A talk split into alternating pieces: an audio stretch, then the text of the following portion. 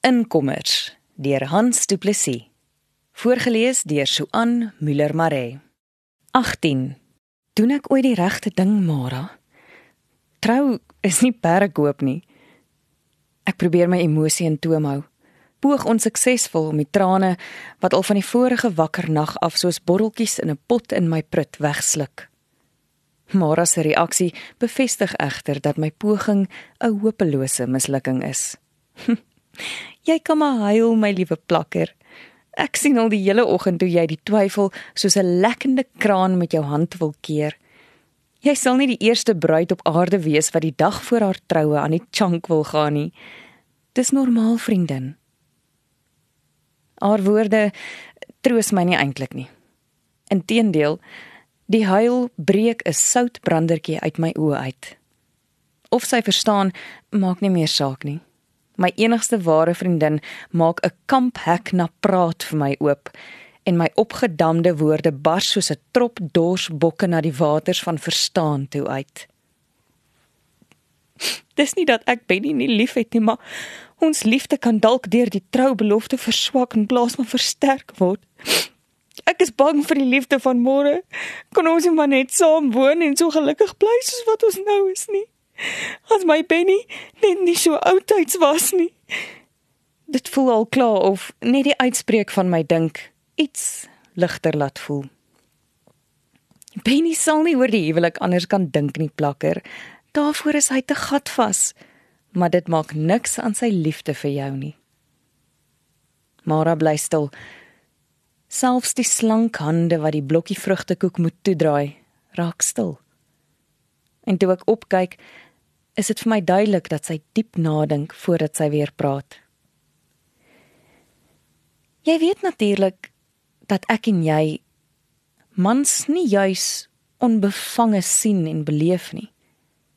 Ek idealiseer 'n pa omdat ek net die wonderlike pa van my eerste 10 jaar onthou. Jy aan die ander kant verdink alle paas van bedrog omdat jy net 'n liefdelose pa ken. As ek reg kyk, is sy ook aan die grens. Saam treur twee siele in 'n moderne plaaskombuis oor die liefde van 'n vader wat hulle al maar net kan verdroom. Terwyl 'n diederik buite oor haar eie seer huil. Sjoe, is dit vrees of verlange na die liefde? snik Mara. Ek is self nie meer seker of ek huil en of ek lag nie. Ek snuif onvroulik, vee met die rugkant van my hand oor my oë en my neus. Asof ons so aangaan trou nie een van ons ooit nie. Dink net hoe hartseer my liewe Benny sal wees. En dit kan ek nie aan my liewe bejaarde oom Benny doen nie. Dis vir my moeilik om te weet of Mara aan die grens of aan die guggel is. Benny is darm nie bejaard nie. Skerm ek effe skuldig omdat dit kan lyk of ek hom nie meer wil hê nie. Hy's maar net 12 jaar ouer as ek. Maar net 12. Mara staan op en raak aan my wang. Jy's ten minste al gevra om te trou. Ek wag nog geduldig op Pietman. Sy knies en vou die blokkie koek met oordrewe konsentrasie toe, asof dit die eerste keer vandag is dat sy die allemintige taak aanpak. Buite brom 'n voertuig. "Verwag jy iemand?" vra ek. "Dis nie Benny nie. Hy het laat weet dat hy laatmiddag eers sal kom." En dis nou eers net na 12. Hulle werk vandag met die beeste in die bergkamp. Hm, dis te vroeg vir die spyseniers. Hulle bring die tafels en die stoele en wil solank die skuur regmaak vir môre. Mara staan op en loop agterdeur toe. Ek moet nog gewoond raak daaraan, sê ek. Dat ek van oormôre af permanent in die huis op oorkant kom gaan woon. Dit klink kompleet of jy koue voete kry, berisp ek myself en voeg vinnig by. Benny het die ou huisie regtig mooi gerestoreer, soos wat ek dit wou hê. Ontspan, vriendin. Mara gaan in die deur staan. Jy kan elke oggend by jou voordeur uitloop en oor die rivier vir my waai, spot sy. As jy met jou regterhand sien, weet ek dit gaan goed. Links beteken moeilikheid. Met my Benny in die huis kan dit gelukkig net goed gaan, verdedig ek. En die deur draai Mara na my toe. Ooh, dit is tannie Nonnie en my liewe tannie Dingetjie. Maak jou reg vir 'n moeilike middag. Ek staan op. Pietman se rooi bakkie hou onder die blinkblaar stil. Môre, môre, groet dingetjie, nogal innemend vir die mens.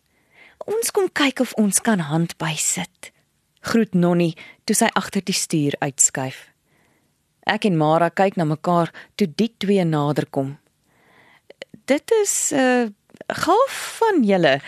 Kom in, nooi Mara. Ons is juis besig om die dankiekaartjies reg te maak. Lyk my elke gas kry 'n toegedraaide stukkie troukoek, vra Nonnie. Sit dit liewer op elke bord by die tafel. Dingetjie sê dit uit die hoogte, asof sy die heel eerste mens op aarde is wat daaraan kon gedink het. En ek sien hoe Mara haar moet inhou om nie bitsig te antwoord nie. Die twee kom in en begin tot my verbasing help, nogal met vriendelike oorgawe en ongewone toenadering. Ons het gevoel ons moet darm ook ons deeltjie vir Benny doen. Hy is immers familie. Ek glo nie ek het Nonnie al ooit so 'n lang sin hoor sê nie. Sy kyk na my en glimlag. En van môre af is jy ook een van ons. Die blou oë lyk lewendig. Het Nonnie dalk al ietsie in van môre? Sal ons 'n wyntjie skink? vra Mara. Die vliegtyg is al oor. Nie vir my nie, dankie, antwoord Nonnie met 'n uitdrukking op haar gesig wat ek nie kan pyl nie. Nonnie het van die begrafnis af nog nooit weer alkohol oor haar lippe gehad nie. Val dingetjie in. Is nie meer nodig nie. Nonnie bind nonchalant die dankiekaartjie aan die toegedraaide blokkie vrugtekoek. Nie ek of Mara reageer nie en dingetjie vra byna verbandloos: "Het uh, julle vanoggend al die mooi man van die blomme gewaar?" Hy het gister toe hy weer daar by Dermpie was, gesê hy maak vandag weer 'n draai. Dis nou die een man wat met liefde sy skoene onder my kind se bed kan instoot. uh nog nie vanoggend met 'n oog gesien nie, antwoord Mara. Ai die bloute snou nonnie. Los vir Jasper uit. Dis 'n liewe man wat net sy belangrike werk doen. Asof een van ons hom te nagekom het is ehm uh, darmpie nie werk toe nie, vra ek. Meer om net iets te sê as dat ek regtig wil weet. Sy het mos bedank. Sy's moeg om ongeskikte mans in 'n kroeg te bedien. Sy en Pietman is maar daar by die huis rond. Ek mag my dit maar net verbeel, maar dit lyk of dingetjie dit sê om Mara se reaksie te toets. Die arme Pietman het ondersteuning nodig. Nonnie se hande is vir 'n oomblik stil. Groot Piet se vriend Joiner ondersteun ons daarom regtig baie goed. Juis Jan Willemse aan ons kom voorstel. Die stel daarin belang om die plaas te koop om Pietman finansiëel te help, sê die goeie man. Is die plaas dan in die mark? Vra Mara verbaas. Nie omdat ons wil nie, Mara, maar Joiner se raad is ook dat Pietman dit moet verkoop. Nonnie dink 'n rukkie voordat sy verder praat. Markie is ook vir Pietman 'n ware steunpilaar in die moeilike dae. Pietman volg haar goeie raad getrou en sy dink ook hy moet verkoop. Maar wat word dan van julle? vra ek. Die dierbare Jan Willem sê het aangebied dat ons mag aanbly. Daar's nog barmhartige Samaritane in ons wêreld oor. Nonnie haal 'n sneesie uit en blaas saggies haar neus. Uh, hoe gaan dit met oom Johnny hulle? Mara staan op en tap water in die ketel. Dit gaan goed. Gertjie en Meld het gereël dat die twee by hulle op Meld se pa se grond kom woon. Gaan Meld en Gertjie trou? Nee. Maar Markie sê die twee is lief genoeg vir mekaar. Trou is nie nodig nie en Meld is so 'n wonderlike man. Goed vir Gertjie se ouers. Wat dink Johnny van alles? kan ek nie help om te vra nie. Al weet ek ek is sommer net 'n bietjie moedswillig. Nee, hy het nog altyd geweet Meld is nie soos die ander nie. Wie die ander is, vra ek liewer nie en ek sien hoe Mara onderlangs glimlag. 'n Tee of koffie? vra sy. Ek wonder waar draai Markie nonnie? vra dingetjie toe ons al vier om die kombuistafel met 'n beker koffie sit. Ek en Mara kyk onderlangs geamuseerd na mekaar. Ek is seker sy wonder ook soos ek wat oor die buurvroue se lewe geloop het. Hoekom nou skielik so hulpvaardig? Selfs dingetjie het nog niks gesê wat na kritiek klink nie. Kom tannie Markie ook help? Vra Mara skepties. Ons het gister saam besluit om soos goeie bure ons hulp aan te bied. Nonnie is ernstig, byna bewoe. Daar het net te veel dinge die laaste tyd gebeur wat ons almal se lewe op een of ander manier geraak het en vir my gewys het hoe afhanklik ons van mekaar is. Ek glo. En as ek na Mara kyk, is sy net so verbaas as wat ek is. Hoewel ek nie seker is dat sy die onverwagse toenadering sommer so aanvaar nie. Sy ken die drie immers baie beter as ek en die seer wat sy oor jare van hulle moes verduur, is nie net 'n skrapie waarop 'n pleistertjie mooi woorde geplak kan word nie. Ek kyk reguit na Mara en die geamuseerde trek van haar lippe stuur 'n boodskap van sinisme aan my wat haar die afgelope tyd intiem leer ken het. Ek hoor 'n bakkie, sê dingetjie. Seker nou Markie. Ek tog hulle bakkie het gebreek. Mara staan op en kyk by die venster uit. Nee, dis nie tannie Markie nie. Dit lyk soos Pietman se ou bakkie. Dis net sy, verklaar Nonnie. Pietman het vir hulle die bakkie persent gegee omdat Markie ons so getrou bystaan met raad en daad in hierdie moeilike tye. Edel van die kind. Dingetjie kyk skerp na Mara. Ek is so dankbaar dat hy en Dermpie deesdae so goed met mekaar oor die weg kom.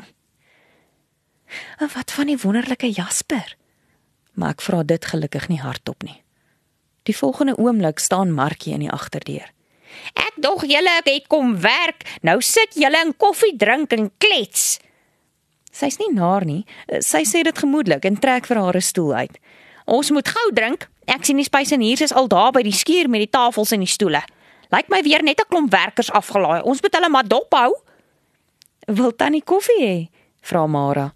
Seker om haar tong in toom te hou en my reaksie te temper. Tee vir my, dankie kind. Koffie is nie goed vir my gesondheid nie. Dis die kafeïen net ek gelees. Ek maak gou. Sit so lank. Markie tel 'n kaartjie op en lees eers in stilte. Hm. Jy moes vir my Gertjie gevra het om vir jou 'n versie te skryf, plakker. Sy skryf mos van kleins af die mooiste versies. Ek by die kwetsende gedagte wat spontaan in my kop kom met moeite terug tel met my oë tot by 8 voordat ek antwoord. Gelukkig het ek die versie in die nuwe groot verseboek raak gelees en ek hoef toe nie my eie woorde uit te gedink het nie. Ek haal diep asem. Mara sit die koppie tee voor haar tante op die tafel neer. Hoe vorder julle met oom Grootpiet se boedel? Dit vorder, antwoord Markie vaag en konsentreer op die suiker wat sy versigtig in die koppie skep. Is die testament uitgesorteer? Bly Mara moedswillig op die onderwerp hamer. Benny het vir oom Doman gevra of hy sal kan help met die regskwessies. Benny het gesê, maar ek het vir hom gesê, "De Bruin is te duur." Joiner het vir ons een van sy vennote gekry wat ons sal kan bekostig. Ek en Mara kyk vir mekaar en ek weet sommer sy dink wat ek dink. Vra maar wat jy wil. Inligting oor Groot Piet se boedel gaan niemand van ons uit Markie Afrikaner kry nie. Sy is ten volle in beheer. Markie, ek hoor jy en Johnny gaan by Gertjie en Meld in die De Bruin se huis op Vlenter kom bly. Nonnie vra dit sonder enige teken van vernyn. Ja, Markie loer ter sluiks na Mara. 'n Bus is nie 'n blyplek vir twee mense wat nie meer so jonk is nie. Met die regterpuntjie in die lug neem sy 'n delikate slukkie tee. Gelukkig ontferm die twee wonderlike kinders hulle oor ons. Hulle hou aan dat ons daar by hulle moet kom woon. Gertjie doen mos haar Zuma jare in Parys en meld maak einde van die jaar klaar en dan gaan hy by sy pa artikel. Sy pa dink nog en sommer uit moedswil voeg ek onnodig geïrriteerd by.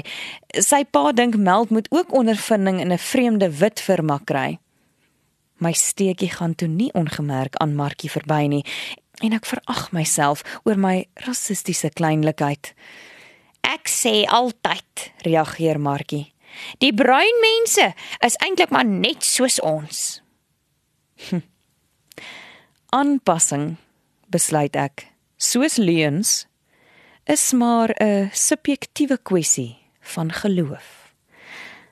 Of is dit bloot pragmatiese verskoning ter wille van oorlewing? Ek kyk met opset nie na Mara nie. Dit is doodstil in die kombuis, asof elkeen van ons op die drinkding voor ons moet konsentreer. Buite in 'n boom klink dit asof die swermpie kakelaars ons doelbewus koggel. Toe praat Markie weer. Ek het vanoggend op Facebook gesien hulle waarsku dat 'n gevaarlike Chinese virus ook nou in Suid-Afrika is. Seker fop nuus, want die vroutjie wat die boodskap gepost het, is een wat alles glo wat sy hoor en dit dan ook vir almal op haar kontakte aanstuur. Nie een van ons reageer nie en Markie skuif haar leë koppie een kant toe. Staan op en sê sonder vrees vir teenspraak: "Kom, Ons gaan kyk wat die klomp by die tabakskuur aanvang voordat môre se huwelik op die verkeerde voet wegspring. Die liewe Mara gee my hand 'n bemoedigende drukkie toe die vyf van ons in ordelike gelid agter die kom se sergeant-majoor by die deur uit skuur toe marcheer.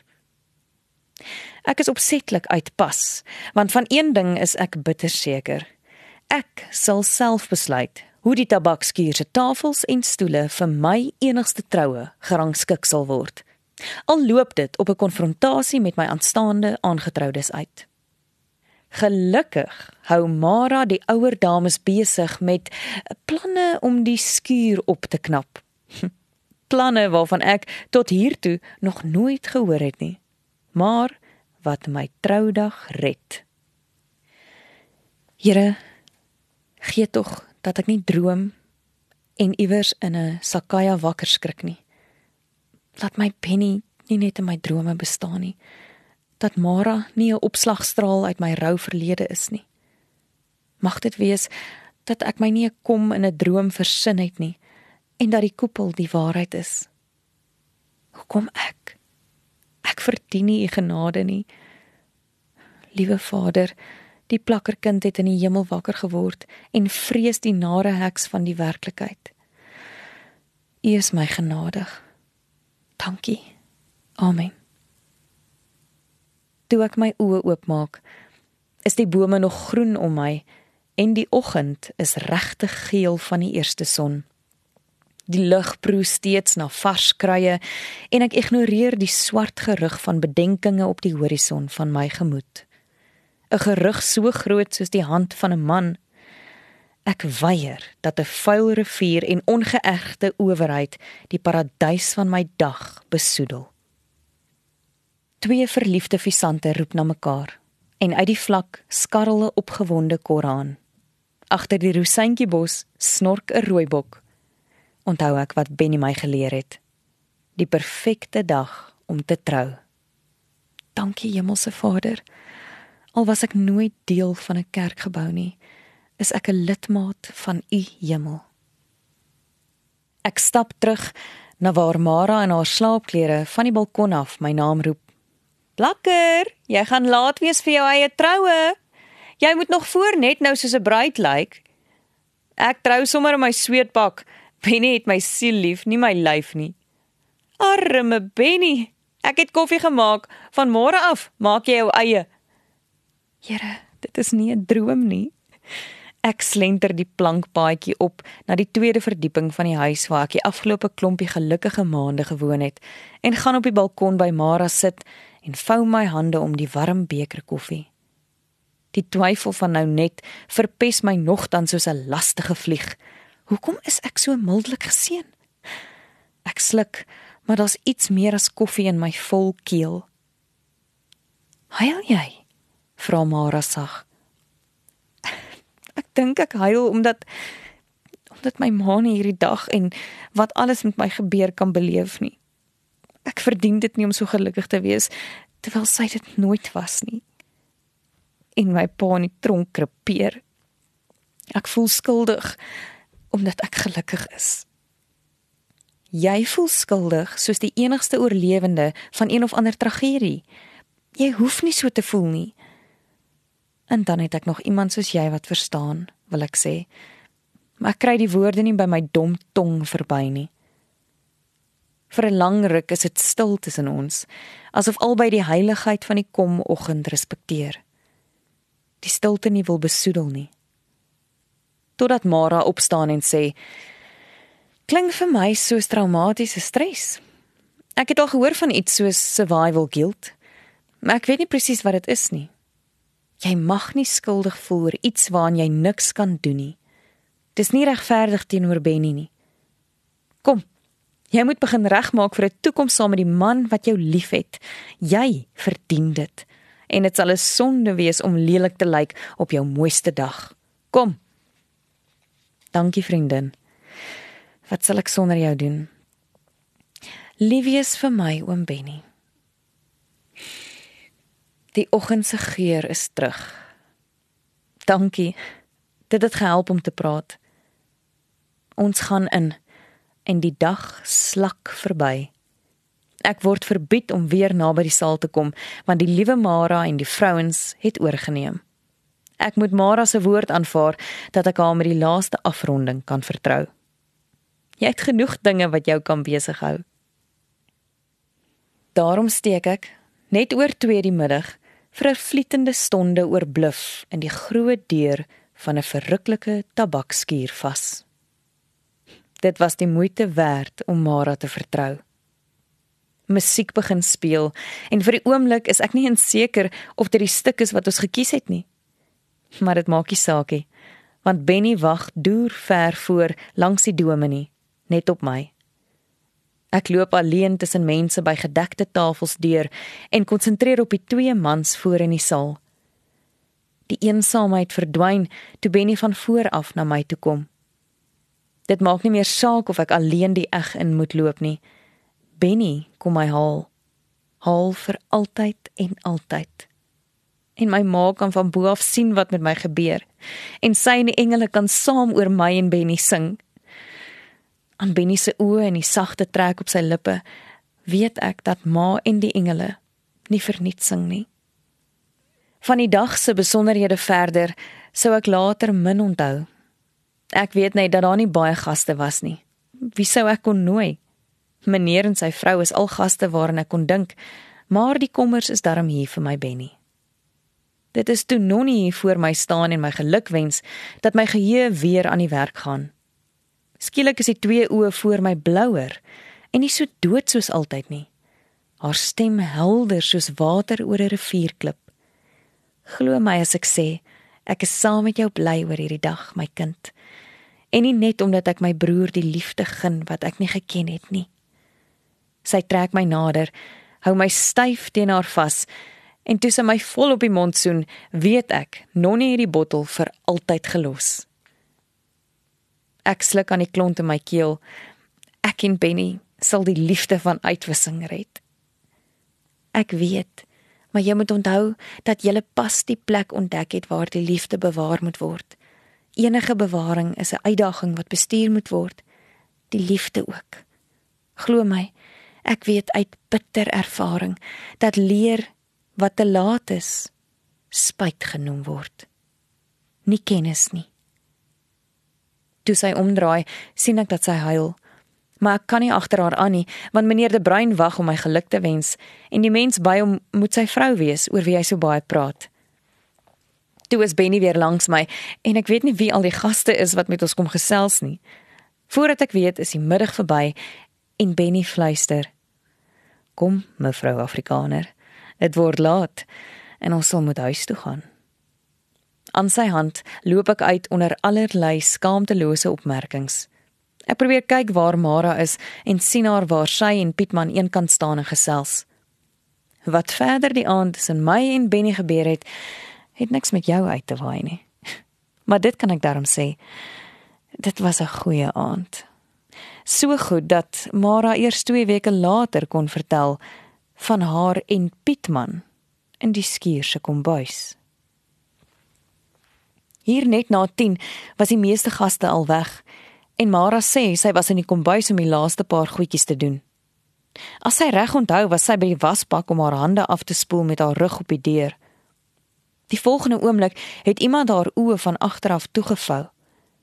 Pietman het hees gelag en in sy diep stem beskimmeld reg agter haar gepraat. "Lekker skrik jy. Jy dog as 'n plaasaanval."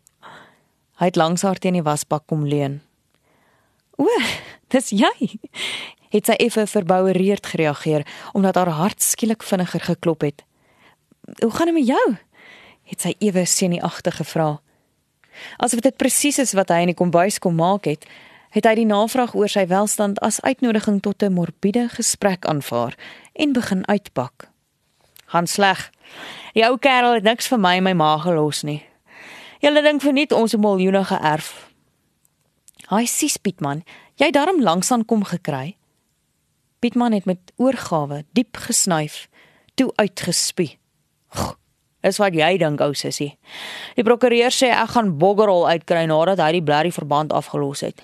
Hy sê die bank gaan langsaan kom verkoop. Miskien kan ek dit koop. Te laat. Maar gelukkig het oom Willem se dit gekoop en dis nou vir jou 'n goeie man daai.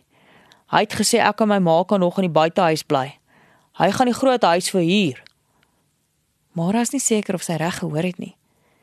Is dit nie dieselfde Willem se wie se vrou by die bank werk nie. Nee, ek weet nie. Ek luister net wat oom Joyner sê en dan gaan vra ek vir tannie Markie. Sy het my mooi gehelp. Goeie antie daai. En sy ken die wet uit haar kop uit. Sy het hom net so staan en aankyk en haarself verwy dat sy nie vroeër oorgery het en betyds gaan hoor het hoe dit gaan nie. Nou was dit klaar te laat. Die arme Pietman het sy prokureur en sy tante se raad gevolg en die plaas aan die gawe oom Willemse verkoop. Sy het haar hand na hom toe uitgesteek. Hy het haar vandag nodig gehad en sy was nie daar nie, te besig met haar eie dinge en plakker se troue. Lomp het hy haar hand geneem en nader aan haar gestaan. Wat van tannie dingetjie en dermpie? Bly hulle dan nie daar by julle nie? Pietman het haar hand gelos en skamerig gebrom. Nee, Oom Willem sê het gesê hulle kan ook maar aanbly saam met ons. Net toe Mara dit oorweeg om iets te sê wat hom kon troos, het Dermpie agter hulle kort afgevra. "Kom jy, Pietman? Dis al laat." Sy het op haar gemak in die deur gestaan asof sy al 'n rukkie deel van die gesprek is. Gemaklik met haar rug teen die kusyn, die los donker rokkie ver bo kan die mooi knie die regtervoet opgelig plat teen die kusyn agter haar.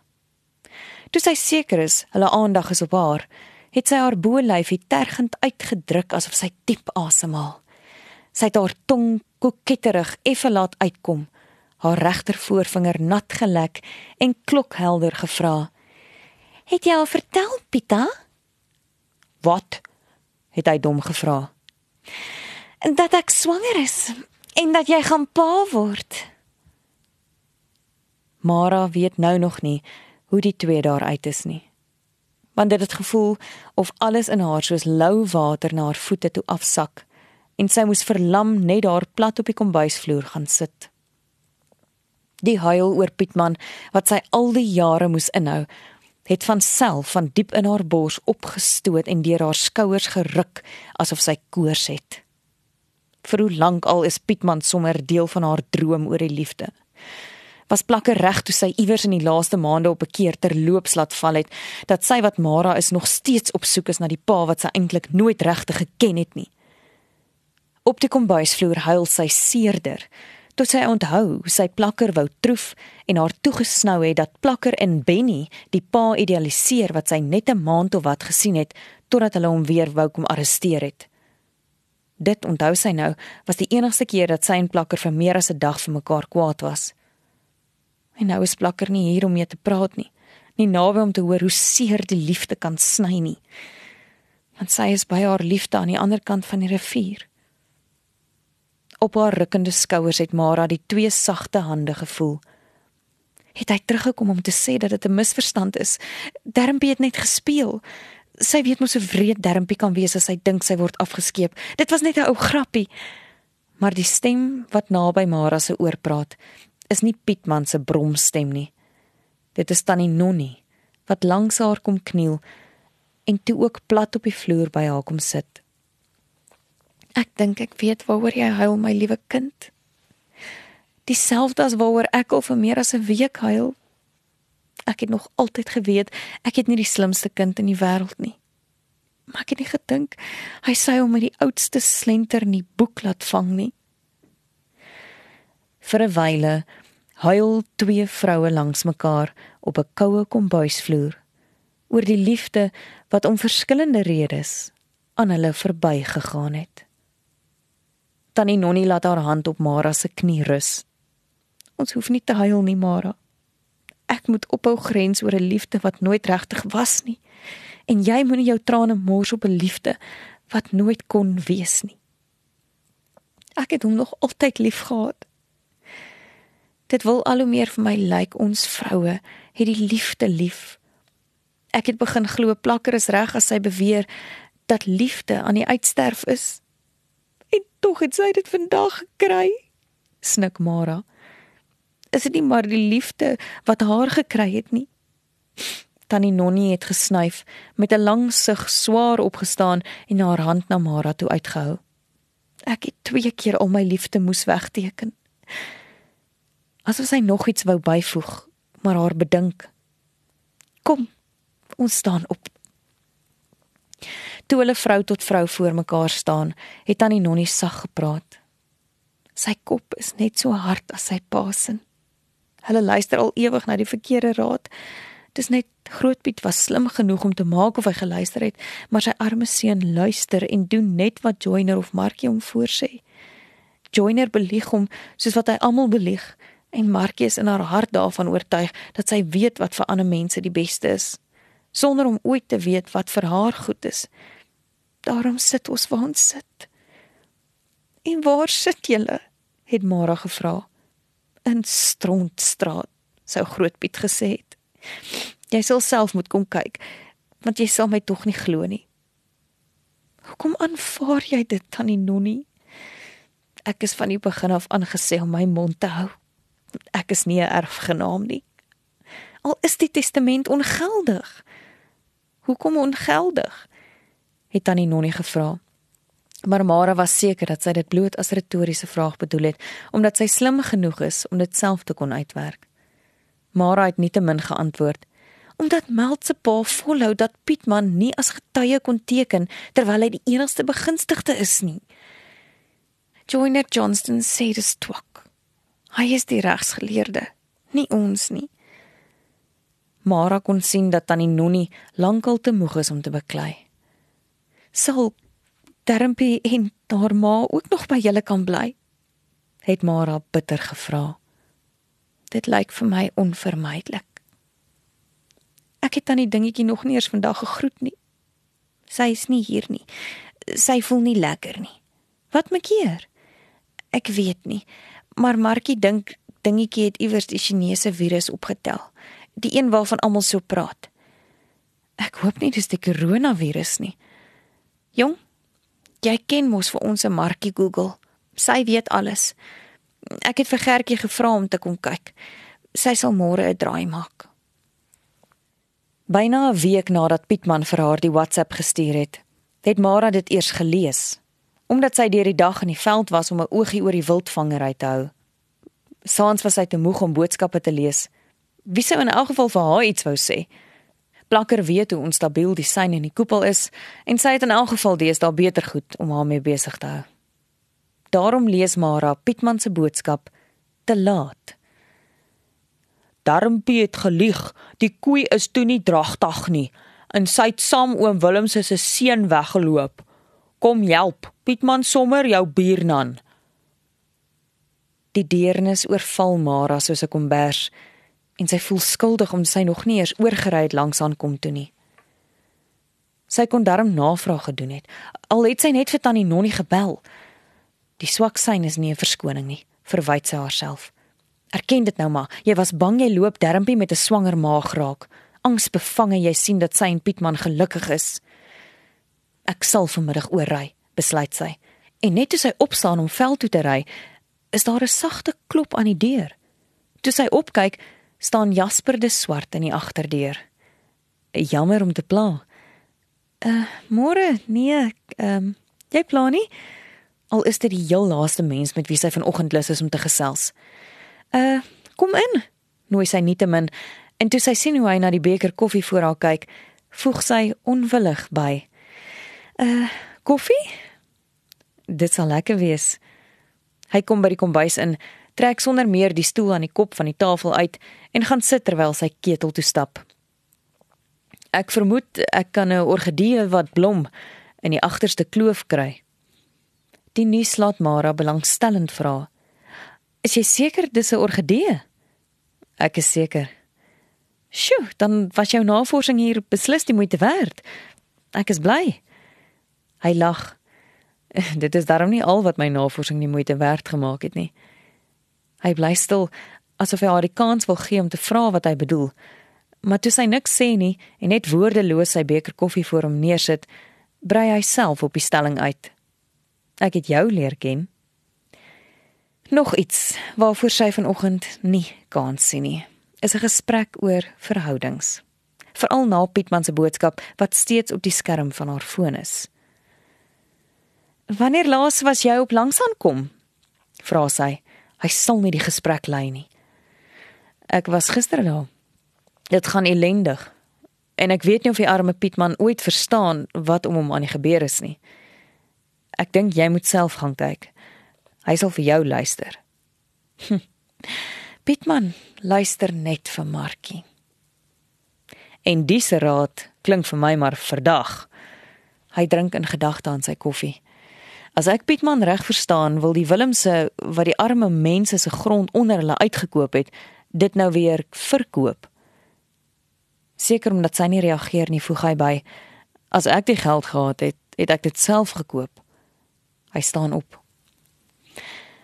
Ek sal gaan hoor. Mara voel effens skuldig omdat sy die man so afsydig behandel het en sy bly in die agterdeur staan totdat Jasper se bakkie agter die tabakskuur verdwyn. Sy kon daarom regtig meer belang gestel het in die man se orgidee. Van die buitehuise kant af sien sy tant Sagie naderkom. Soos altyd netjies en versorg.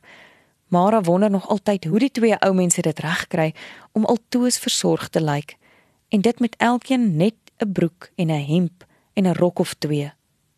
Hoe sê die dierbare tante altyd as 'n mens haar na haar welstand vra? Nie baie klere nie, kindjie een in die was en een aan die bas, solank dit net skoon en heel is. Môre tante, hoe gaan dit met oom Sening? Baie pyn, kindjie, baie pyn. Kan nie eintlik meer self loop nie. Ek kom juis om jou in te lig dat die kinders vir ons 'n woonstelletjie by hulle in Sassel ingerig het, nader aan dokters en die hospitaal. Ons sal moet verhuis. Sy huiwer en haal diep asem. Al is dit ook hoe swaar vir my nie oom. Jy weet self hoe lief ons vir jou en hierdie plek is. Kom in, tante. Kom drink koffie. Mara druk die maar lyfie styf teen haar vas en sy kan voel hoe die ou mense skouers ruk. Ek verstaan, tante, en ek sal julle baie mis. Julle weet mos ek is altyd daar om te help. Al is ek eintlik die een wat hulp nodig het. Ek kan tog nie soos my vinger alleen hier bly nie. Die getroue tant Sagie loop krom terug buite huis toe. Sy het nie aan die koffie geraak wat Mara vir haar ingeskink het nie. Mara drink haar koffie ook nie klaar nie. Sy sit starend en wonder wat van haar gaan word. As Darmpie nie swanger is nie en Willem se langsaan kom weer gaan verkoop, kan Pietman en sy ma mos hier in die buitehuis kom bly. Sy skud haar kop asof sy die simpel gedagtes uit kan skud. Dan kom Darmpie en haar ma ook saam. Pietman en Dermpie in een huis en dit reg onder haar oë, so te sê op haar werf. Dit het sy haarself immers al meer as een keer beloof, nooit weer nie. Nooit weer saam met 'n derm of 'n ding op dieselfde werf nie, nooit ooit nie. Sy moet gaan regmaak om oor te ry langs aan kom toe. Verdroom is daar in haar lewe lankal nie meer plek nie. Mara kom later weg as wat sy wou, want toe sy 11 uur se koers die bakkies se sleutels in die kombuis van die muur afhak, val haar oog op die broodblik. Het die bure ooit genoeg om te eet? Sy maak toe broodjies en al koue wors uit die yskas. Dit is al byna 12 uur toe sy die werf uitry op pad na Pietman hulle toe. Die opgewondenheid wat sy in haar voel borrel, probeer sy onderdruk, maar dit bly oorkook soos melk wat te lank op die plaas staan. Hulle het haar nodig. Al weet sy dat sy hoop dis eintlik hy wat nie sonder haar kan oorleef nie. Sy ry sommer met die tweespoorpad deur die bos langs aan kom toe om deur die oostelike kampek na die buurplaas toe te ry. Hoe lank laas het sy hier gery? Die maande was te besig. Sy asem die veld in en ontspan. Nog in die komse kloof kry sy die troppie kudus, 'n groot bul en vier koeie. Sonder om die bakkie af te skakel, bewonder sy die keur van haar kom. Die bul staan stip na die bakkie en kyk. Ek het julle afgeskeep, fluister sy. Die bul se groot ore roer asof sy net weer wil hoor wat die mens probeer sê. 'n Jong koei vreet nog aan 'n fluweelbos en agtertoe sien Mara die wildheining blink. Bewaar 'n heining ooit die natuur. Kampdrade versper tog. Dis immers hoekom ons dit span. Dit beperk. Die bul se ore roer. Stem jy saam? Klippe klap soos wat die bul wegspat met die koeie wit wapperende stertkwaste agterna. Pynsend hou sy hulle dop. Vryheid het een of ander slim jafel iewers verkondig. Se grootste vyand is vrees. Mara sit in gedagte die bakkie in rad. Nee, wysneus. Ek begin dink vrees is vryheid se grootste vriend. Hoe anders het diere oorleef voordat 'n mens draad uitgedink het? Bewaar ons die natuur of bewaar ons die gewete? Sjoe. Mara glimlag by haarself toe sy uitklim om die hek oop te sluit. Waarheen loop my kop vandag? Sy kan dink waar 'n gesprek soos die met plakker sou kon gaan. Sy ry deur, klim uit en hak die slot in sonder om te sluit. Sy kom tog nou weer terug. En so 'n gesprek met Pietman? Mara hou op dink en konsentreer op die sandspore wat dronk deur die bos slinger.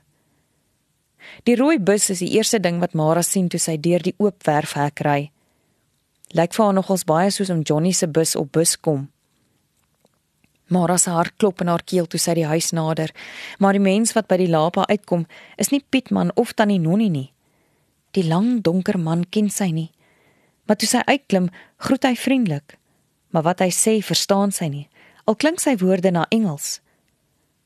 Huiwerig klim sy uit en groet, Maar voordat sy naderloop, hoor sy tannie Nonnie van die bus se kant afroep. "Hier's ek, Mara." Haastig kom sy nader. Hy kan nie Engels of Afrikaans praat nie. Sy knik haar kop in die rigting van die vriendelike vreemdeling en voeg sagter by toe sy naby genoeg aan Mara is. "Een van die huurders. Willem sê dit mos die huis aan 'n klomp onwettige immigrante verhuur en Pietman moes Johnny vir sy bus gaan vra." toe die laas maand oorgetrek het na Gertjie hulle toe op Vlenter kom. Pietman het hulle met sy bakkie help trek. Tannie Nonnie loop skuins voor Mara uit in die rigting van die rooi bus. En Mara kry die indruk dis om haar van die groot huis af weg te lei. Sy hoor haar snuif en sien hoe sy in haar sakke vroetel totdat sy 'n vervrommelde sneusie uitgrawe en haar neus saggies snuit. Sy loop om die bus waar 'n ou vervlenterde tent slordig opgeslaan staan. Mara steek tussen die bus en die tent vas toe die bizarre toneel haar soos 'n klip teen die kop tref. Tussen die bus en die tent is 'n vuurmaakplek plat op die grond.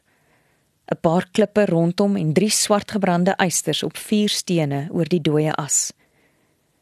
'n Ketel staan hand in die sy op die eisters. Dig by die vuur is 'n drom staan gemaak op vier klippe. 'n Waterpyp lei van die drom af na 'n afskorting. Pietman se poging om 'n warmwaterdonkie vir Dermpie te prakseer. Tannie Nonnie snik en buig by die tent se laa opening in. Mara bly woordeloos in die opening staan. 'n Uitgetrapte grasmat, 'n geskeurde karsitplek as enigste gemakstoel. Kombuistafel wat wydspeen oor 'n gat staan en twee stoele. Op die tafel blink die platskerm televisie. Drol op 'n dreskas, sou oom Grootpiet seker gesê het. Tannie Nonnie moes gesien het hoe sy na die gat onder die tafel kyk, want sy beantwoord Mara se onuitgesproke vraag. Grond uitgegrawe om die vloer gelyk te kry. Tannie Nonnie trek haar asem diep in. Hoekom moeite doen om die gat toe te gooi as die tafel in elk geval oor die gat kan staan? Toe bars die groot huil soos 'n stroomversnelling by Tannie Nonnie se mond uit. Haar hande oopgevou oor haar gesig. Mara versteen, weet nie hoe om te reageer nie. Sy gaan in, trek die mensie teen haar aan en laat haar ween. Want huil is dit nie meer nie. Jare se verwerping en vernedering kook onkeerbaar oor. Uiteindelik begin sy bedaar. Sak op die sitplek af asof haar bene haar liggaam nie meer wil dra nie. "Is Pietman hier?" vra Mara. "Nee, dingetjie dokter toe gevat. Lyk of die virus haar behoorlik beet het. Sy sukkel om asem te haal." "En Dermpie?" "Weggeloop saam met Willem se seun. Sy verwag dan Pietman se kind. Sy het gelieg. Sy's glad nie swanger nie. En wat sê Pietman daarvan? Hy is bly want hy sê hy weet van altyd af jy wag vir hom. Mara reageer nie omdat sy self nie weet wat sy voel nie. Tannie Nonnie moet meer as een poging aanwend om uit die laaste plek uit op te staan. Mara steek haar hand uit en help haar op. Ek weet nie wat vir ons gaan word nie, my kind.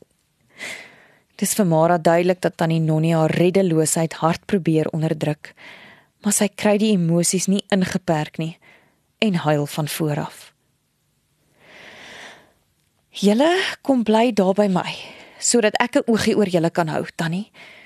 Kry jou klere ek WhatsApp vir Pietman dat hy moet kom wanneer hy klaar in die dorp is.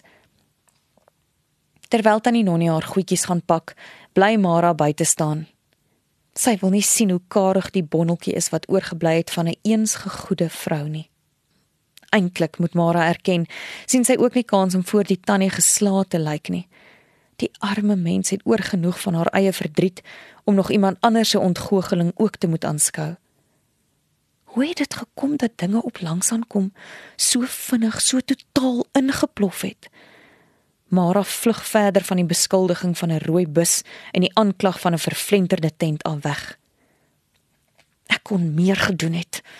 Maar so behep was ek met Dermpie se teenwoordigheid naby Pietman dat wrevel my gesonde oordeel ingeperk het. Sy drentel verder tot by die werfhek wat skeef aan een verroeste skarnier hang. Alles op hierdie werf hang skeef aan verweerde heiningpale. En dit is nie uitsluitlik Pietman se skuld nie. Met adviseurs soos Joiner en Markie was verval voorspelbaar en die stomme man moes op 'n verwonde maas steun. Die bome aan die kant die slap werfdraad raak mistig in die middel van 'n dag vol son terwyl sy na haar sakdoek soek. Sy het mos geweet hy sou sy pa se dood nie sonder letsel oorleef nie om nie eens te praat van die duisende duister woorde op kontrakte wat vir regsgeleerdes en beterweters geskryf is nie. Sy sit haar hand op die grouwe kop van 'n dik hoekpaal, laat haar kop op die rugkant van haar handsak en haar hartseer delf dieper as die ellendige werf om haar. Agter haar hoor sy die voertuig van die groot pad se kant af naderkom.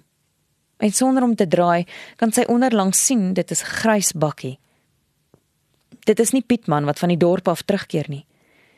Eers toe die man uitklim, besef sy dat dit die blomme man is. Vir hom sien sy nie nou kans nie. Gelukkig kom tannie Nonnie juis met haar potsierlike handtassie om die rooi bus. Haar gesig verhelder toe sy sien wie dit is. Tot Mara se verbasing loop sy die gas gul tegemoet. Jasper, groet tannie Nonnie. Jy kom of jy gestuur is. Hy soen haar asof hulle wragtig familie is. Die voorbarige vent, dink Mara en vee met die sakdoek haar oë droog. Hy moet haar net nie sien huil nie. Op haar tyd slenter sy nader. Sy hoor hulle praat, maar wat hulle sê, weet sy nie. Ek het gedink dis jou bakkie wat hier staan, Mara. Groet hy. Jasper het aangebied om my vanmiddag kom toe te vat, Mara. 'n Dis nie nodig nie tannie Nonnie. Ek is mos nou hier en jy is klaar gepak. Sal die man hom hier kom inwurm waar hy nie welkom is nie. Is beter so, Mara. Dan kan ons wag tot Pietman terug is van die dokter af. Ah, ja, as dit tannie beter pas, is dit reg so. Simpel man. Mamara besef dat sy eintlik teleurgesteld is omdat sy nie heeltemal in beheer is nie. Sy wil nie ander mense nou in haar verhouding met Tannie Nonnie toelaat nie. Dat dit eintlik om Pietman gaan, is sy nie eers bereid om aan haarself te erken nie. Sy sal maar haar ry kry en by die huis op Tannie Nonnie hulle gaan wag. Sy wil in elk geval nog 'n end af langs die wildheining tussen haar en Pietman gaan kyk. Toe onthou sy dat langsaan kom nie meer aan Pietman behoort nie en dat dit in elk geval glo in die Markus. Sy sal met Meld se pa moet praat om te hoor of die trust dit kan bekostig om nog grond by te koop. Die idee maak haar opgewonde. Sy kan Pietman en sy ma help. Pietman en sy ma?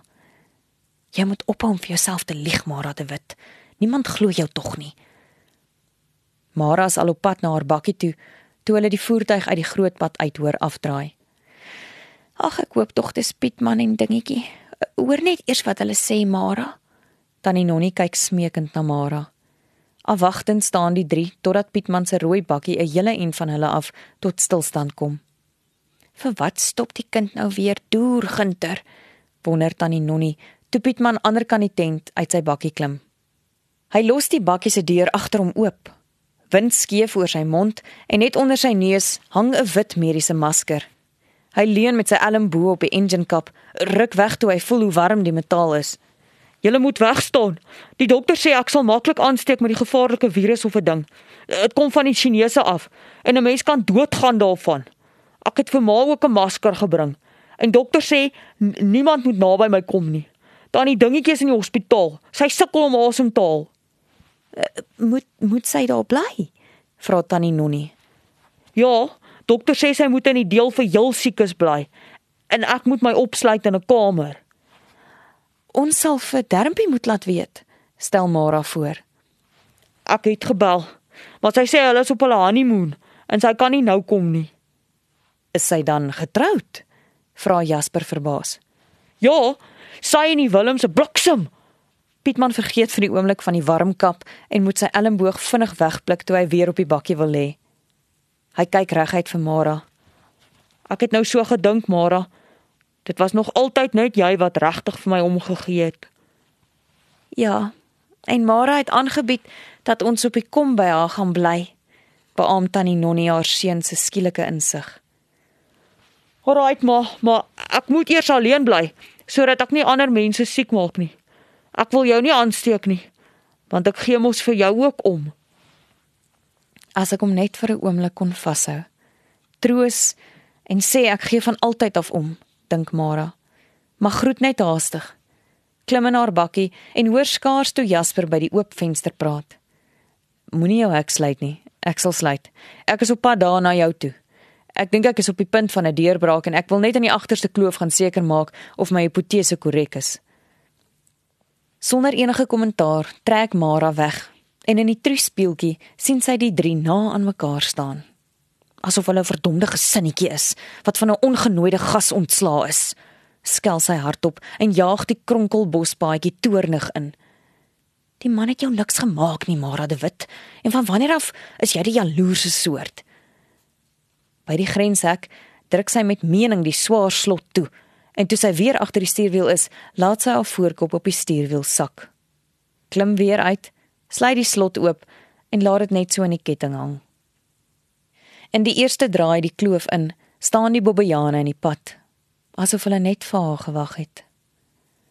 Raak diere ook sonder rede jaloers. En dit lyk vir Mara al asof die mannetjie presies weet wie dit is wat met hulle praat en wat sy vra, maar self daaroor wonder. Toe sy stadig verder ry, staan die trop weerskant van die tweespoor, asof hulle haar nog onthou en haar wroging verstaan. Skaars 'n week later, lui Mara se foon, juis toe sy op die agterste rand sit om te kyk of die kameelperd al gekalf het. As sy nie nou op die hoogste punt gesit het nie, sou die sy nie so goed gewees het nie. Nogtans is dit moeilik om uit te maak wat 'n hysteriese tannie Nonnie probeer sê. Tannie Nonnie, praat stadiger. Dit klink of jy opbreek. Dit voel vir Mara of die bloed so spelde prikkels deur haar slape vloei, want sy weet instinktief dat dit oor Pietman gaan. Is alles reg? vra sy nogtans angstig. Bel ambulans, gil tannie Nonnie. Bel ambulans. Pietman kry nie asem nie. Gou. Ek bel dadelik en ek kom. Bly net kalm, ek is nou daar. Sy sien hoe die selfoon in haar hand ruk en gryp die instrument paniekerig met albei hande vas. Waar sal sy nou hier in die veld die noodnommer kry? Vervaar druk sy plakker se spoednommer. Bel asseblief vir ambulansplakker. Hulle moet Pietman kom haal. Hy kry nie asem nie. Gou. Ek maak so. Dis COVID wat so praat. Waar's jy nou? Ek is nog in die veld, maar ek ry dadelik oor langs aan kom toe. Tannie Nonnie is in 'n toestand. Ry, portplakker. Ek bel jou later weer. Die bakkie vat nie met die eerste draai van die sleutel nie. Mara maak haar oë vir 'n oomblik toe en laat rus haar voorkop op haar hande. Kalmeer, bid sy en haal diep asem. Sy skakel weer aan en begin stadig in die rigting van die kom se hoofhek ry. Al is dit 'n bietjie verder met die groot pad om, sal dit haar langer neem om met die bospad te ry. Voordat sy by Tannie Nonnie kom, moet sy kalm raak. Dalk is dit ook nie so erg as wat Tannie Nonnie dit maak nie. Nou dat sy haar die afgelope ruk beter leer ken het, dink sy sy verstaan vir die eerste keer regtig hoe dit vir Grootpiet moontlik was om die tannie vir al die jare psigies gevange te hou in die sel van haar eie skuldgevoelens. Skielik besef sy dat tannie Nonnie van altyd af naïef impulsief reageer en eers kalmeer as dit te laat is. Dit daal die gedagtes soos 'n onverwagse wolk op haar neer. Dit is hierdie ooreaksie wat Grootpiet nooit geleer hanteer het nie maar nietemin al ewig tot sy voordeel kon uitbuit. Die selfoon vibreer op die sitplek langs haar. Plakker. Die ambulans is op pad. Is jy al daar? Amper. Ek bel as ek weet wat aangaan. Sterkte vriendin. Ons praat weer. Op die groot grondpad buite die hek ry sy vinniger. Deur die skerp draai van die laaste kloof verminder sy spoed en dankbaar dat langsaan kom sy hek oop lê, ry sy met 'n hart wat soos 'n oorige lam teen haar ribbe spartel op die rooi bus af, waar tannie Nonnie met albei hande langs haar vertrekte gesig wag. Moenie nader kom nie. Huilend, half hysteries hou sy haar hande voor haar uit, asof sy Mara fisiek in die bakkie wil terugdwing. "Waar is Pietman tannie Nonnie?" Mara maak die deur oop, maar bly by die voertuig staan. "Is hy alright?" Het jy ambulans gekry? Vir wat draai hulle so? My kind kry nie asem nie. Sy trippel, maar bly op dieselfde plek staan, asof sy die hele tyd om die een voet dans. Die ambulans is op pad. Gaan in. Ek wag hier buite. Sorg tannie net dat Pietman reg is. Tannie Nonnie storm die tent in. Hulle is op pad. Hoor Mara haar in die tent skree. Die geluid van 'n voertuig laat Mara omvlieg. Maar dit is nie die noodvoertuig nie. Dit is die ewige Jasper de Swart kan die man hom nie net by sy blomme bepaal nie? Moet hy al ewig opduik waar hy nie hoort nie? Haastig vlieg sy deur oop. Die masker is tot hoog oor sy neus opgetrek en sy kan sy gesigsuitdrukkings glad nie pyl nie. Hy kom tot by haar en stop 'n swart masker in haar hand. Jy kan nie sonder 'n masker nader gaan nie, Mara. Het jy die ambulans gebel? Hier kom hy, roep sy verlig uit toe die ambulans in 'n wolk stof reg agter Jasper tot stilstand kom. Die voordeure oopswaai, twee paramedici uitspring om die agterdeur oop te maak en die draagbaar uittrek. "Kom," beveel Jasper en hardloop in die rigting van die bus waar tannie Nonnie groot oog, doodsbleek met haar lang vingers voor haar mond staan en trippel. Die twee ambulansmense draf kalm en doelgerig agter hom aan en Mara gaan by die bewende tannie Nonnie staan. Ek het hom ook laat kom. Mens kan hom kom reken. Dit neem Mara 'n sekonde om te snap dat tannie Nonnie van Jasper praat en sy begin wonder oor die tannie se oorigheid met die vent. Die volgende oomblik kom die mense haastig met die draagbaar by die tent uit.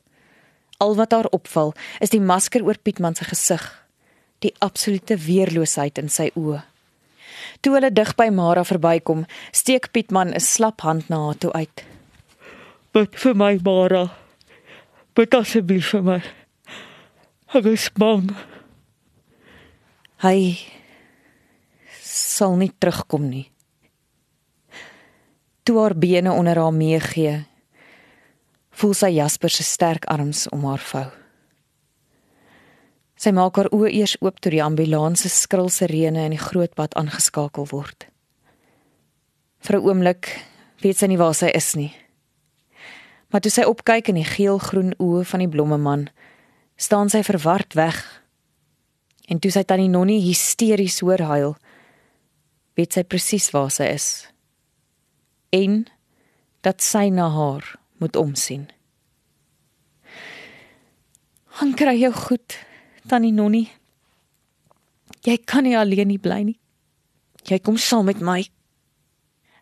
Ry jy so lank, Mara? Val Jasper in. Ek sal haar bring. Ons kom. Snik tannie Nonnie en moet aan sy elmboog vashou om regop te bly. Hy lei haar tot by die kombuisstoel wat langs die dooie vuur staan en Mara verstaan dat dit nie nou die tyd is om te redekavel nie. Ek ry so lank. Bring al haar en Pietman se goed. Hulle kom by my bly. Dit sal heel beste wees, meen Jasper en begelei tannie Nonnie bus toe. Sover ek weet, mag niemand Pietman in hierdie tyd van inperking besoek nie. Mara voel verlore. Sy lewe so afgesonder op die kom dat sy oningelig is oor wat in die land aan die gang is. Is die virus regtig so ernstig of wil Jasper haar net laat verstaan dat hy eintlik in volle beheer is? Hoe sal Pietman alleen oorleef? Sy sal hom gaan besoek. Wie sal haar keer? Nietemin klim sy sonder 'n woord agter die stuurwiel in en trek weg voordat Jasper kan sien sy huil. Pietman se weerlose oë en smeekende hand is al wat haar die hele end huis toe bybly. Op die laaste stukkie pad ander kan nie kom sy hek moet sy rem trap. Deur die trane sien sy die kameelperd koei op die rand van die grasveld, net waar die hoë doringbome begin. Die kalf langs haar Mara maak die deur versigtig oop en leun oor die kajuit om 'n foto van die jongste inwoner te neem. Om die selfoon vandag stil te hou is nie maklik nie. En of sy van die ou weemoed of die nuwe vreugde bewe, is moeilik om te sê. Sy drink nog die nuwe lewe in toe sy Jasper se bakkie deur die hek sien kom. Toe sy onder die blinkplaas stop, hou hy agter haar stil en hy maak die deur oop vir tannie Nonnie wat soos 'n slaapwandelaar uit die voertuig skuif en aansikkel huise kant toe. Mara slaan haar arm om die ouer vrou se maar skouers en saam kruie die twee kombuisdeur toe. Ek bring haar goedjies. Hoor Mara om agter hulle aan momper. En die kombuis suig dan die nonnie op die naaste stoel by die tafel neer. En met haar elmbo op die tafel en haar gesig in haar hande, kook die leed van baie jare oor. Magteloos kyk Mara na die man met die geel winkelsak in die agterdeur. Laat haar huil. Los haar dat sy die seer uithuil. Al neem dit die hele nag. Hy sit die sakkie op die tafel neer. Dis al wat sy het. Mara sien hoe hy swaar sluk en dit lyk asof hy nog iets wil byvoeg, maar hy draai sy gesig van haar weg, snuif en vee vlugtig oor sy gesig. Dankie dat jy haar gebring het maar raslik self aan die seer in haar keel. En dankie dat jy gekom het. Ek weet nie of ek dit alleen sou kon hanteer nie. Sy sit haar hand op tannie Nonnie se rukkende kop. Piet man is al wat sy nog oor het. Jasper draai na haar toe, gee haar hand 'n ligte drukkie. Sy het vir jou. Dan doen die onpylbare man die onverwagte. Hy soen tannie Nonnie op die kop en sê en sy het vir my. Hy loop deur toe sonder om vir Mara te kyk. Sy wil vir jou iets vertel en sy wil nie hê ek moet by wees nie. Gee asseblief kans om die hele storie te vertel wanneer sy gereed is daarvoor. Versigtig maak hy die agterdeur agter hom toe asof hy wil beklemtoon dat sy hom sonder weerstand moet laat gaan. Mara gaan fitloos op die stoel oorkant aan die nonnie sit. Die tannie lig haar gesig uit haar hande. Probeer nie eens om die trane van haar wange af te vee nie. Deur haar neus begin sy stadig maar berekend praat. Jasper is my seun. Nee dit. En eers toe Mara haar vraend bly aankyk, sug sy diep. Dit is die kind van Grootpiet wat hy my gedwing het om vir aanneming af te teken. As ek nie alles wou verloor nie. Ek was al met Grootpiet getroud en langsaan kom was al op sy naam. Omdat my seun buite egtelik was, het Grootpiet en sy boesemvriend Joyner Johnston my oortuig dat ek sonder 'n enkele sent gelaat sou word en die skandvlek op die Afrikaners sou wees. Ek het impulsief geteken en van daardie dag af was ek Grootpiet sommer se slaaf. Hy het wel af mense geken wat hom sou betaal om my kind aan te neem. Haar voorkop sak tot op die tafelblad, haar hele lyf skud. Tot vandag toe weet ek nie verseker wie die biologiese pa is nie. Sy lig haar kop. Ek was nie die enigste een wat rondgeloop het nie. En ek was dwaas genoeg om te dink ek kon met Grootpiet onderhandel. Tussen die snikke deur snyf sy. Grootpiet het kort na ons troue gesê dat trou beteken hy het beloof om vir een vrou te sorg maar nie dat hy net by een vrou gaan slaap nie. Mara bly sprakeloos en verward sit. Ek het al die jare nie geweet waar my kind is nie. Die dag by die vergadering het Grootpiet vir Jasper herken en my daarvoor beskuldig dat ek hom laat nooi het om oor sy navorsing te praat. Hoe kon ek? Ek het nie eens geweet die man is my kind nie. Dit is hoekom Grootpiet die aanval gekry het. Hy was woedend. Dis nie jou skuld nie, Tannie Nonnie, probeer Mara troos, terwyl sy besef dat dit leewoorde is. Maar hoe troos 'n mens as jy niks verstaan nie en self eintlik troos so bitter nodig het? En dit is hoe Jasper by die Deswarts beland het. Hy sê hulle was so goed vir hom en 'n paar maande gelede het hulle hom eers van my vertel. Ja, hy het my kom soek Sy bly 'n rukkie stil voordat sy sukkelend verder praat. Dis hoekom hy ingestem het om hier by die vergadering te kom praat oor die kom se plante. Tannie Nonnie staan moeisaam op. Vat die sakkie klere en slof die kombuis uit. Die hospitaal sal bel as daar niks is. Mara staar na die muuroorlosie sonder om te sien of te wonder hoe laat dit is. Dit raak al sterk skemer voordat sy loodswaar opstaan om te gaan kyk hoe dit met Tannie Nonnie gesteld is. Meer as een keer klop sy aan die spaarkamer se toedeur voordat sy iemand binne hoor beweeg. Kom, drink koffie en kom eet iets Tannie. Ek is nie honger nie. Asseblief Tannie Nonnie, jy moet iets in jou lyf kry, ek ook. Ek sit die water op. Sy wil al omdraai toe die tannie die deur stadig op 'n skreefie oopmaak. Mara skrik vir die bleek vertrokke gesig. Ek kom. Ek trek net iets aan. Die ketel het lankal gekook voordat tannie Nonnie skoorvoet in die kombuis ingeslyp kom asof sy bang is. Mara loop tot reg voor haar. Ek is so bitter jammer vir jou my tannie. Ek kan nie eers dink waarmee jy al die jare in jou gemoed moes rondloop nie. Die tannie bewe so groot as wat sy is en Mara kan elke wervel in die uitgeteerde rug voel toe sy haar styf teen haar vasdruk. Nou gaan die Here Pietman ook kom al. Tannie het vir my na 'n rukkie voeg sy by en dieselfde Here het vir Jasper vir tannie teruggegee. Pietman is in goeie hande. Sy skink twee bekers koffie en maak vir elkeen 'n kaastoebroodjie. Buite het dit donker geword en 'n dik oproep die nag nader. 'n Nag wat soos 'n lang swart lint voor Mara lê. Hulle sit net en wag vir die lig wat ure ver is sonder dat een weet hoe laat dit is. Eers toe tannie Nonnie stil opstaan en die kamerdeur agter haar toe gaan, waag Mara dit om vir haar 'n groot glas wyn te skink en buite op die balkon te gaan sit. Sy het vergeet dat dit volmaan is. Onder haar strek die grasveld blou-geel tot aan die donker bome op die wal van die val. Dit moet al ver na middernag wees en sy sit steeds oor die maanverligte grasland en staar toe sy tannie Nonnie se selfoon dof in die binnekamer van die huis hoor lui. Toe tannie Nonnie strompelend in die oop skuif deurkom staan, weet Mara. Die hospitaal. Pietman.